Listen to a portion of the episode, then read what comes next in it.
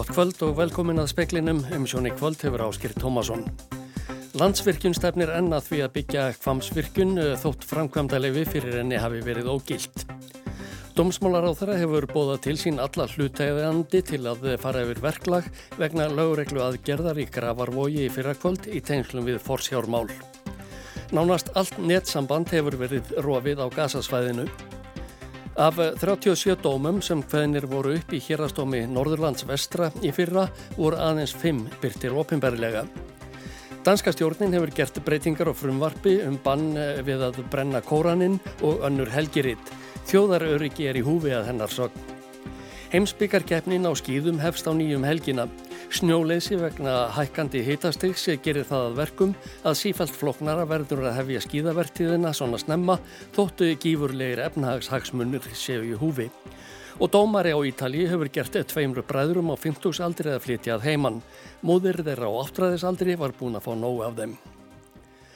Forstjóri landsvirkjunar segir ógildingu framkvamda lefis fyrir kvamsvirkjun ekki koma á óvart og að enn sé stemt að byggingu virk, virk, virkjunarinnar.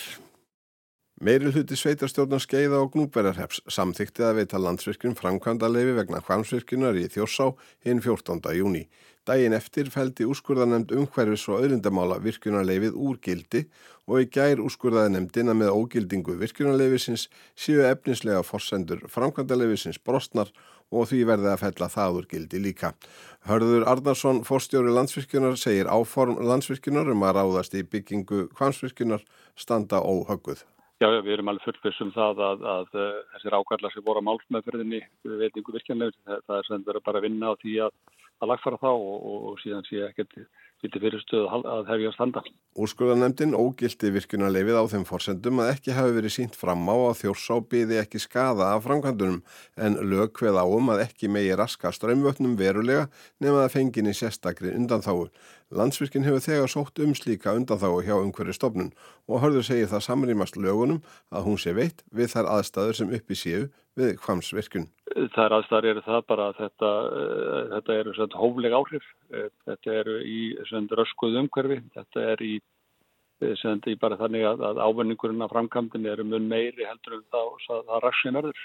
Hörður segir viskunarlefið ekki hafa verið ógilt á þeim forsendum að fyrir sér væri að framkvæmdirna röskuðu vatnakerfi þjórsár meira en lög lefðu. Nei, úrskurinn gerði aðtóðsendi það að sem, þetta samráðmilli orkurstofnar og umhverfstofnun hafði ekki átt í stað. Þetta er sann málsmeðferðarlegu galli, þetta er ekki efnislegu galli. Umsóknin er enn til meðferða hjá umhverfstofnun og Hörður segir ekki vita hvena niðurstaða hennar líki fyrir. Hann bindi þó vonir við að hægt verði að hefja framkvæmdir næsta sumar. Ævarur Njósefsson tók saman og rætti við Hörð Arnarsson. Dómsmálar á þeirra bóðar fulltrúa lögreglu, barnarmálar á þeirra, barnahús og fleiri til fundar eftir helgi til að fara í saumana á aðgerði lögreglu í Gravarvogi í fyrrakvöld. Máli tengist forsjárdeilu, foreldra tryggja drengja sem móðurinn sótti til Noregs í fyrra. Fadir drengjana fer með forsjá þeirra, samkvæmt úrskurði sem framfylgja átti í fyrrakvöld. Gaggrind var á alþingi í gær að einkennisklætir lauruglumenn hefðu verið á staðnum. Guðrún Hafstinsdóttir, dómsmálar á þeirra, segir að farið verði yfir verklægið. Mín sín er svo að það sé gríðarlega mikilvægt í öllum aðgjörum sem þessum sem beinast að börnum að þá gætu við okkar vel og það er alveg skýrt í barnalögum að í svona aðgerð að þá eiga lauruglumenn að vera óeinkennisklættir. Hún hafi fengið þær skýringar frá lauruglun á höfuborgarsvæðinu að lauruglumenn sem komi fyrst á staðin hafi verið óeinkennisklættir en þegar fólk dreif að hafi verið kallað eftir liðsöka. Hún hefur kallað saman hlutaeigundur til að fara yfir málið strax eftir helgi. Það er bæði lauruglan, eh, það er fulltrúa frá barnamálaráðra, frá barnahúsi og fleirum þar sem við ætlum að fara yfir ferlana. Ráþara segist gera ráð fyrir að börnin séu enn á landinu. Hún hafi þó ekki beina aðkomu að málinu. Ég get ekkert beitt mér í þessu tiltekna máli. Það sem að ég er að segja er það að ég ætla að kalla saman hér e, hóp eins og ég nefndi áðan sem að mun fara yfir verklægið eins og það, því var beitt í fyrra kvöld Saði Guðrún Hafsteinsdóttir, Ásta Hlín Magnúsdóttir saði frá. Svo veriðis sem búið sé að lokað mestu á nettsamband við Gaza. Hamas greindi frá því að Ísrael væri búið að slíta allar samskiptalínur við Gaza og stærstan hluta netsambands. Vefsíðan Netblocks sem fylgis með netsambandi viða um heim segist geta staðfest sambandsleysið. Á sama tíma berist fregnir af umfangsmiklum loftárásum á Gazasvæðið norðamert. Hamas liðar segist hafa skotið fjöldaflugskeita á móti.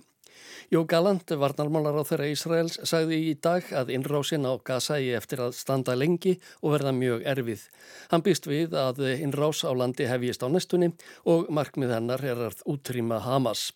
Aðal framkvæmdastjóri saminuðu þjóðana var að í dag við því að fordæmalausar hörmungar vofðu yfir palestínumennum á Gaza vegna skorts á matvælum og vatni og rámasleysis.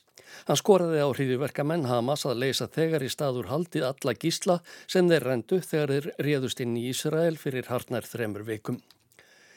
Flugfræðifélag Íslands segir fullirðingar forstjóra play í Silvrinu á mánudaginn hafa verið rángar. Hann hafi gefið í skinn að félagið væri gullt stjættarfélag sem gengur frekar erinda atfunnureikenda en starfsmanna. Flugfræðifélagið og alþjóðsambandi skora á play að ganga til kjaraviðraðina við flugfræðifélagið. FFI sem er þá félagi sem við áttum með okkar starfsverk átt að veri hjá hérna, samkvæmt ASI og sín tíma hefur einn viðsjamenda og það er æslandir. Er það eitthvað gular að stjættafélagi nokkuð? Þetta sagði Birgir Jónsson fórstjóri plei í Silvrinu þar sem kvennaverkvallið var til umræðu. Hann spurði svo hvort stjættarfélag flugfreyja og flugþjóna hjá plei væri eitthvað gulara en FFI. Flugfreyjur og þjónar hjá plei er í Íslenska flugstjættarfélaginu sem flugmenn félagsins stopnuði og var harðlega gaggrind af verkaliðsreifingunni á sínum tíma. Flugfreyjufélagi sendi frá sér yfirlýsingu til að leiðrætta orð Birgis. Berglind Kristófer Stóttir er formaður FFI þar sem hann gafur um í skinn að eh, flugfröðufélagið væri gullt stjættafélag og undir hatti æslandir. Hún bendir á að FFI sé 70 ára gamalt félag, pleysi eitt fára flugfélag á Íslandi sem hafi neitað að gera kjærasamning við flugfröðufélagið. ASI sendi frá sér yfirlýsingu í dag þar sem þau segja hátterni play í tengslu við mynda kjærasamningagerða á sínum tíma við flugfreyjur vera svartan bletta á sögu kjærasamningagerðar á Íslandi. ASI hvetur play að ganga til kjærasamninga viðræðina við flugfreyjufélagið. Berglind segir að félagið sé enn með opið mál hjá ríkisáttasemjara. Við erum bara hvetja play til þess að setja stað samningaborðinu hjá okkur, eða við okkur og reyna að koma stað gerð kjærasamnings sem fyrst bara. Hans starfsmennum, flugfræðum og flugþjónum hjá Play er best borgi hjá flugfræðifélagin. Það sem það er eina stjættafélag flugfræði og þjóna á Íslandi. Saði Berglind Kristófersdóttir, Urður Örliksdóttir tók saman. Kona á eh, áttræðisaldri í borginni Pavia á Ítalju fekk því framgengt í gegnum domstóla að sínir hennar flytjað heima. Mennirnir eru 40 og 42 ára. Konan var orðin þreytt á því að mennirnir heldu sig bara heima hjá mömmu eftir vinnu og hafði nokkur um sinnum reynd að sannfæra þá um að flytja út. Móðurinn var líka komið með nóa því að þeir greittu ekkert til heimilisins eða syndu húsverkum. Hún leitaði því til domstóla. Dómarinn fann til með henni og úrskurðaði að sinir hennar skildu bornir út af heimilinu. Í úrskurðunum kom fram að þóttir hafi raun rétt á að búa áfram hjá móður sinni vegna skildu foreldra til að sjá um börnin sín hafi móðurinn fyrir löngu loki þeirri skildu þar sem mennirnir eru báðir komnir yfir færtugt. Þeir hafa um einn og halvan mánuð til að flytja út. Næri 70% ítala á aldrinum 18 til 34 ára búa enn heima hjá foreldrum sínum samkvæmt opinberum gögnum frá því fyrra. Þetta hefur lengi verið þekkt í ítalskri menningu en undanfarin ár hefur fólk dvalið sífælt lengur í foreldrahúsum. Helstu ástæður þess eru erfitt efnahags ástand á Ítalíu og hversu langan tíma það getur tekið að finna langtíma starf. Robert Jóhansson sagði frá. Íslenska kvennalandsliði knatsbyrnum mætir Danmörku í þjóðadeld Evrópu á lögardalsvelli klukkan hálf sjö. Ísland er með þrjú stig eftir 42 leiki riðilsins en Danir 6. Leikurinn verður í beitni útsendingu hjá ríkisútvarpinum. Upphittun er hafin á rúð 2 meðan sjónvarpsfrettir er í loftinu á aðalrásinni. Af 37 dómum sem hvenir voru upp í hérastómi Norðurlands vestra á síðasta ári voru aðeins 5 byrtir ofinberlega á meðan nær allir dómar voru byrtir á Ísturlandi. Professor í fjölmiðlafræði segir gagnsægi skorta í störfum dómstólana. þeir dómar yfirleitt sem að bladamenn hafa áhuga á og vilja segja frá, það er þá yfirleitt í málum sem skipta miklu máli, sko, hafa eitthvað gildi og einhverja afleggingar fyrir almannarímið. Þannig að það er, það er á erindi eins og tilkast nú að það segja í dag, það á einhver brínt erindi við almenning. Og þess vegna er það sem sé sko lítill skilningur eða óþreya hjá þeim, bladamennum þarf að segja, að komast í það til þess að geta sagt frá því og, það, og þannig uppfyllast þess að frumskildu bladamannsins um að upplýsa fólkum þar sem að, að hérna, skipti máli. Segir Birgir Guðmundsson, professor í fjölmeilafræði við Háskólan á Akureyri og bladamæður til margra ára. Hann segir margt hafa breyst síðan að hann byrjaði að skrifa um dómsmál frá því að bladamenn sóttu gögn frá dómstólum á pappir og í eigin personu til dagsins í dag þar sem gengiður út frá því að hann er allar upplýsingar frá dómstólunum með í nálgast á veraldarvefnum. Netið hefur þó að sumu leiti flægt hlutina fyrir domstólunum þó bóðleðirinnar síu stittri. Dagskrá domstólana sem á að vera öllum aðgengileg svo hver sem vill geti fylst með opnu þinkaldi í domsal er til dæmis torlesin. Þar má finna málsnúmer, stað og stund en oft eru nöfn sakbortninga afmáð sem ekki týðkaðist áður fyrr. Já þetta er ekki, ekki aðgengilegt fyrir náttúrulega sko eða engan sko ég veit ekki alveg af hverju þetta þarf að vera svona sko að, að hérna auðvitað geta menn komið staði að þið vilja sko hvernig þetta er og menn gera það og menn fara og, og ég veit ekki hvort að menn eru eitthvað að reyna að koma í veg fyrir að myndatökum menn komi og, myndi fólk sko á leiðin inn og út úr réttarsal sem er það eina sem að menn geta gert úr orði sko. Þetta segir Dómstólasíslan standa til bóta. Dómstólanir þurfa ígrunda vel hver miklar upplýsingar þeir meiga eða geta réttlætt að byrta á vef. Og þá er það ekki bara gagvart fjölmjölum sem að Dómstólanir þurfa að hugsa þetta heldur líka gagvart sko bara hinnum Pétur og Páli út í bæ sem að getur þá bara farið inn á síðun og skoða þetta og farið inn á leitavélar og fundið út og, og, og greint þetta sko þannig að það er þetta er einlega mun floknara umhverfi heldur en nokkuð tíman áður sko. Kristín Haraldsdóttir er framkvæmda stjóri Dómstólasíslunar sem er sjálfstæðstofnun í forsvari fyrir alla dómstóla landsins. Það eru aðeins takmarkanir í hér aðeins en svona almennareglan er svo að, að dómar eru gefnir út af efnum og eh, það má kannski segja að, að það sé óvunlega mikið hérna á Íslandi þegar kemur átgáðu dóma. Það er viða í nákvæmlega landum ekki verið að gefa svona mikið átt og hér áttum dómum sko. Þannig að við erum kannski með eitthvað ákveðna sérstöðu þar og það er svona mikilvægt gagsægi fólkið í því. Reglur um byrtingu dóma og úrskurða hveða áum að hérastómstallar eigi að jafna því að byrta dóma á vef innan 5 virkra daga frá uppkvæningu og eigi síðar en að 14 dögum liðnum. Mismikið mæðir á hérastómstólunum, eðlilega, þar sem meiri hluti Íslandinga býr á söðvesturhortninu en hérastómstól er í öllum landslutum. Sem dæmi komu yfir 6.000 nýmál inn til hérastóms Reykjavíkur og síðast ári á meðan þau voru aðeins 83 á Norðurlandi vestra. Ef litið er yfir dóma á vefsíðum hérastómstólana byrtist munurinn líka glögglega. Þar má sjá ógrinni af dómum sem fallið hafa í Reykjavík undanfarið og örfáa hjá smærri dómstólum á landsbyðinni. En fjöldi dóma sem byrtir eru ofinberlega virðist ekki ráðast engöngu af smæð samfélagsins. Árið 2022 voru hvenir upp 28 dómar í hérastómi Östurlands í sakamálum og engamálum og jafnmarkir voru byrtir á vef dómstólsins. Sama ár voru hvenir upp 37 dómar á Norrlandi vestra í samskonarmálum og voru 5 byrtir á vef dómstólsins. Það eru aðeins um 14% og algjör leindi yfir dómum í 86% um mála. Hvað gæti skýrt þennan svona mikla hlutfalslega mun? Ég á nú kannski erfitt með að, að gefa eitthvað afdráttalust svar um það en það kann að vera einhver skýring fólkinu í, í bara samsetningu málana. Það er náttúrulega enga málinn geta verið þannig að, að þess eðlis að, að annarkost fallaði undir eitthvað þessum uh, undan þáum til byrstingu í, í, í reglunum eða þá að það er talið einhverja sérstakar ástæður fyrir því, hún er undan tekning og, og, og náttúrulega ekki að beita sem alveg reglu til þess að byrja ekki dóm og í þessum, hjá þessum smæri dómstólum þá er kannski meiri nálag og meiri hætta á að, að sé eh, eitthvað sem að dómari telur vera þess eðlis að, að geti verið mjög viðkvæmt að byrja málið í á viðkomandi svæði. Á Suðurlandi voru dómarnir 148 í fyrra og tæplega 40% voru byrtir eða 57. Í Reykjavík er hlutfallið svo tiltölega hátt eða yfir 70% og sama má segja um hérastóm vestfjörða sem vekur aðtikli í svo smáu samfélagi.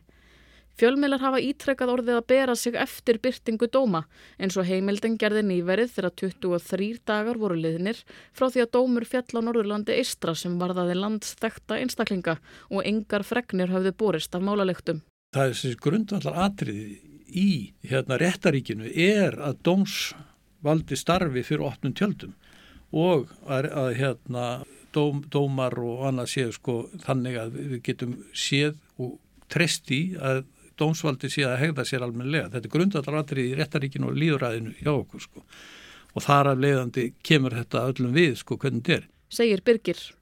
Dómstólasýslunni hafa búist aðtjóðasendir um að dóma vandi á við fjárastómstólana. Við höfum fengið einstakka ábundingar um það en almennt séð held ég að þetta sé nú í, sínist okkur að þetta sé í, í góðu horfi útgáfa dóma. Við höfum verið að fyrst og fremst verið að vinna því að tryggja betra samræmi varðandi uh, hvernig dómar eru nafnprinsaði til dæmis og gáfum í fyrra út ítalið reglur um það og leiðbenningarreglur.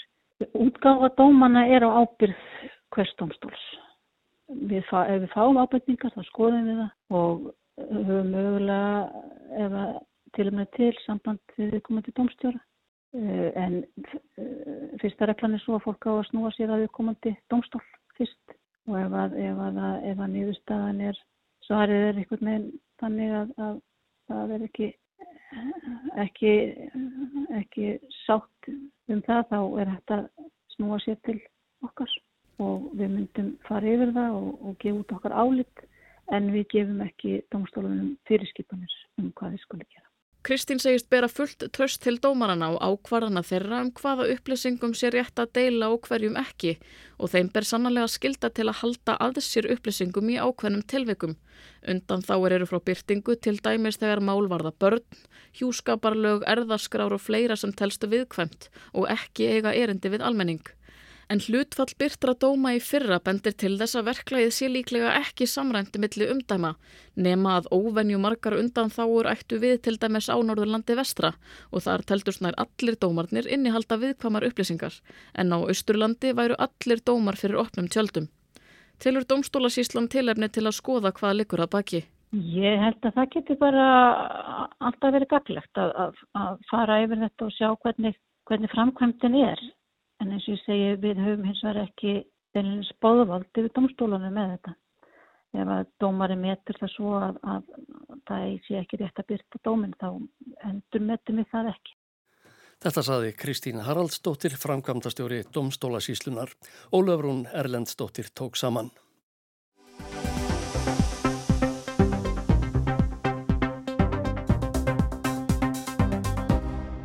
Stjórnvöldi í Danmörku ætla að gera aðra tilraun til að banna með lögum að kóraninn og að önnur helgiritt verði brenda á almanna færi. Þau kynntu síðastliði sumar frumvarp til laga til að koma í vekk fyrir uppákomar að því tægi að viðlóðum, sektum og fangelsi alltaf tveimur árum. Það mætti andstöðu víða. Lögregland taldi til dæmis að ómögulegt værið að framfylgja slíkum lögum. Samtök sem berjast eh, fyrir tjáningarfrelsi eh, hafðu ímislegt við frumvarpið að aðtuga og sömulegðis stjórnmálaflokkar.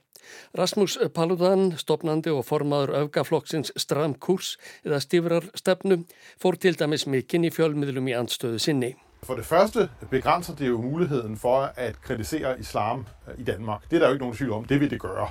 Og øh, så er det jo også et helt forfærdeligt signal til muslimske lande og til muslimer i Danmark om, at vold virker. Í fyrsta lagi takmarkar þetta möguleikan á að gaggrína Íslam í Danmörku, í annan stað sendir þetta þau hræðilegu skilabóð til muslimalanda og muslima í Danmörku að ofbeldi borgar sig, segði Paludan. Nógu miklar hótanir og ofbeldi hafa þau áhrif að stjórnvöldu lútaði duftið og gefast upp. Paludan hefur á liðnum árum verið fremstur í flokki þeirra sem hafa brent kóranin í Danmörku og einni í Svíþjóð. Hann og áhangandur hans hafa þá stefnu að banna Íslamstrú og rekka alla innflítjendur úr landi. Þrátt fyrir að danska stjórnin hafi verið gerð afturrekka með frumvarpið frá því í sumar, hyggst hún komað við gegn að bannað verði að brenna kóranin og önnur trúaritt sem hafa umtalsverða þýðingu. Málið varðar þjóðaröryggi, sagði Peter Hummelgór, domsmálar á þeirra þegar hann kynnti nýja útgáfu þess á fundi með frettamönnum í Kaupmannahöfni morgun. Så øh, handler det her indgreb jo først som sidst om danskernes sikkerhed. Stjórnvöldum ber skilda til að koma í vekk fyrir augranir af þessu tægi sem hafa þann eina tilgang að valda óanægu meðal ákveðina þjóðfélagshópa, sagðan enn fremur. Siden øh, slutningen af juli måned har vi set 486 anmeldte demonstrationer med koran- og flagafbrændinger. Frá því í júli lok og til þessa dags hafa verið 486 mótmæla aðgerðir í Danmörku þar sem kvekt hefur verið í Kóraninum og fánum, sagði Hummelgór. Hann tekur sem dæmi um graf alvarlegar afleðingar þess áttar framferðis að tveir svíjar voru skotnir til bana í Brussel á dögunum þegar þeir voru statir þar til að fylgjast með knatsbyrnuleik. Morðunginn er talinn hafa verið að hefna fyrir kóranbrennur í Svíþjóð að undanförnu. Helstu breytingar á frumvarpi stjórnarinnar frá því í sumar eru þær að banniðna er engangu til trúarita sem hafa verulega trúarlega þýðingu svo sem Kóransins, Biblíunar og Tóra trúarits gýðinga. Þá verður einungi spannað að brenna rit dönsku þjóðkirkjunar og viðurkendra trúfélaga samkvæmt lögum. Áður náði frumvarpið til allra trúfélaga skráðra jant sem óskráðra. Loks er ætluninn að endur skoða lögin að þremur árum liðnum. Það er ef þau verða samþygt. Til stendur að nýja frumvarpið verði tekið til fyrstu umræðu á þinginu í Kristjánsborg 14. november. Danskir fréttaskýrendur hafa sumir hverjir látið sér fátum finnast um breytingarnar sem hafa verið gerðar frá upphaflega frumvarpinu. Þarna séu stjórnvöld að beita klassískum pólitískum bröðum, sníða af lítilsáttar vankanta í vonum að koma málinu í gegn. Aðrir eru jákvæðari, svo sem Sten Skamburg Müller, professor í lögum við Sýdansk háskólan í Óðinsvíum. Hann segir í viðtali við TV2 að nýja útgáfan sé miklu betri en svo gamla. Greinilega hafi verið tekið tillit til fjölmargra gaggrinsratta sem hváðu við þegar málið var upphaflega kynnt í sumar.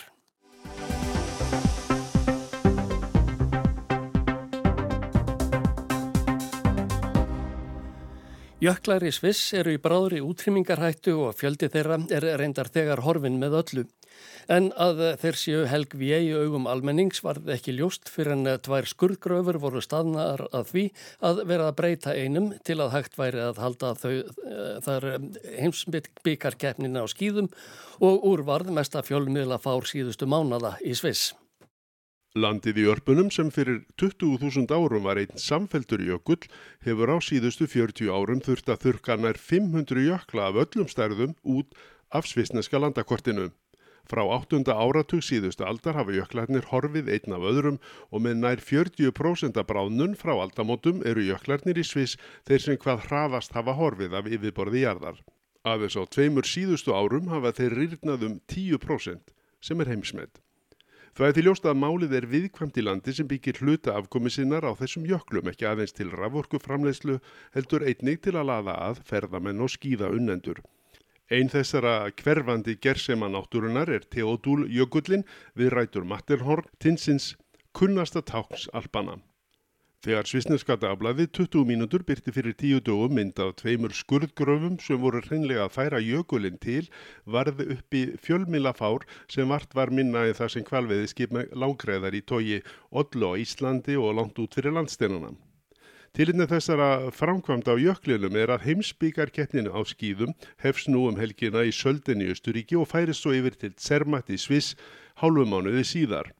Vandamálið er að vegna hlínandi loftslags verður sífælt flokkunar að hefja skíðavertíðina í lok oktober og raunar ómögulegt vegna snjóleysis nema með verulegum tilfæringum sem ekki eru öllum náttúrvendarsinnum að skapi.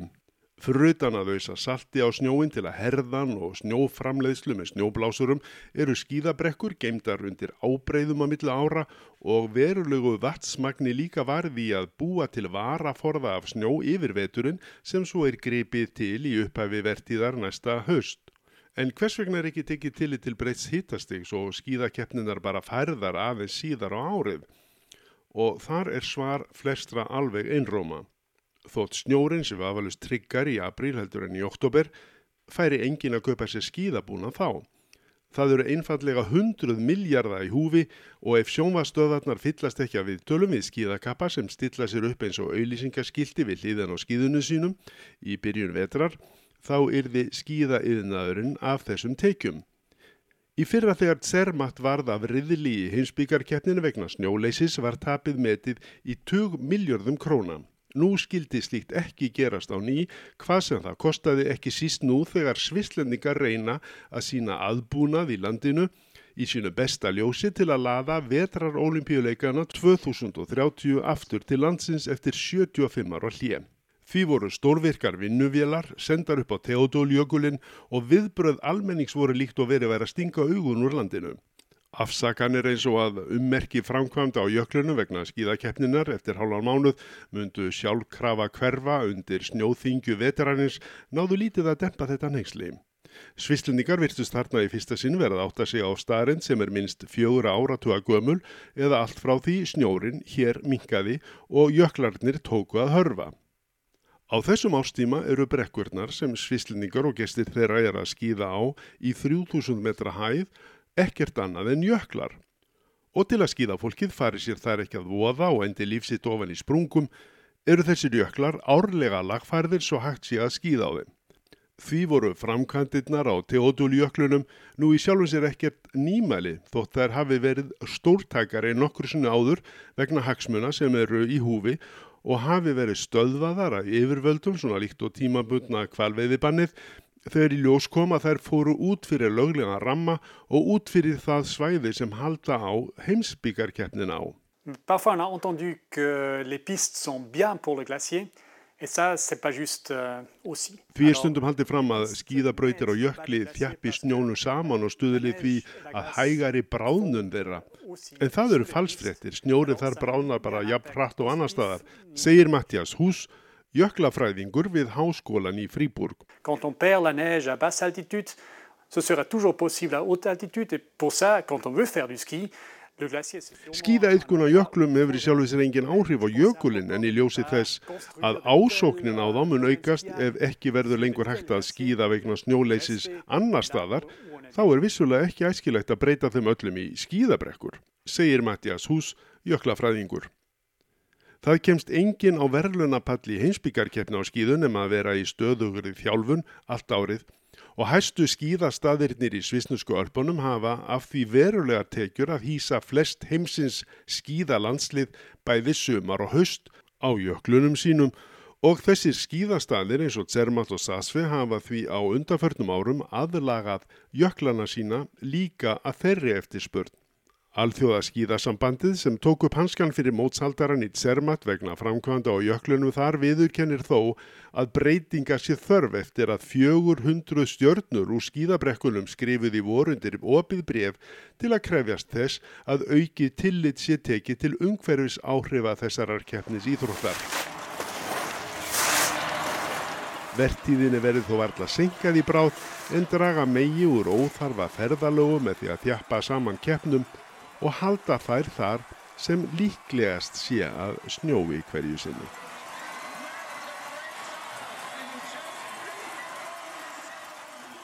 Jón Björgvinsson, okkar maður í Sviss, sagði frá. Veðurhorfur næsta sólaring. Það verður auslæg átt 3-10 metrar á sekundu en 10-15 siðist. Dálitlar skúrir eða jél verða á austanverðu landinu en annar staðar bjartað mestu. Hitti verður 1-9 stig að deginum svalast á Norðurlandi. Það dregur úr vindi, siðst annað kvöld og kólnar aðeins. Það var helsti fréttum að landsvirkjun stefnir enna því að byggja kvamsvirkjun þótt framkvömda lefi fyrir enni hafi verið ógilt.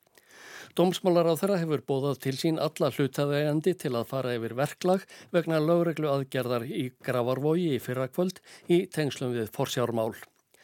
Nánast allt nettsamband hefur verið rofið á gasasvæðinu. Búist er við að innrás frá landi og sjó hefjist senn. Fleira er ekki speklinum í kvöld. Tæknimaður var Magnús Þorstedt Magnússon. Frettir í útvarpi verða næst sagðar klukkan tíu og frettir eru uppfærðar á vefnum allan sólaringin. Hægt er að hlusta á speilin í spilara ríkisútvarpsins og helstu hlaðvarpsveitum. Verðið sæl og góða helgi.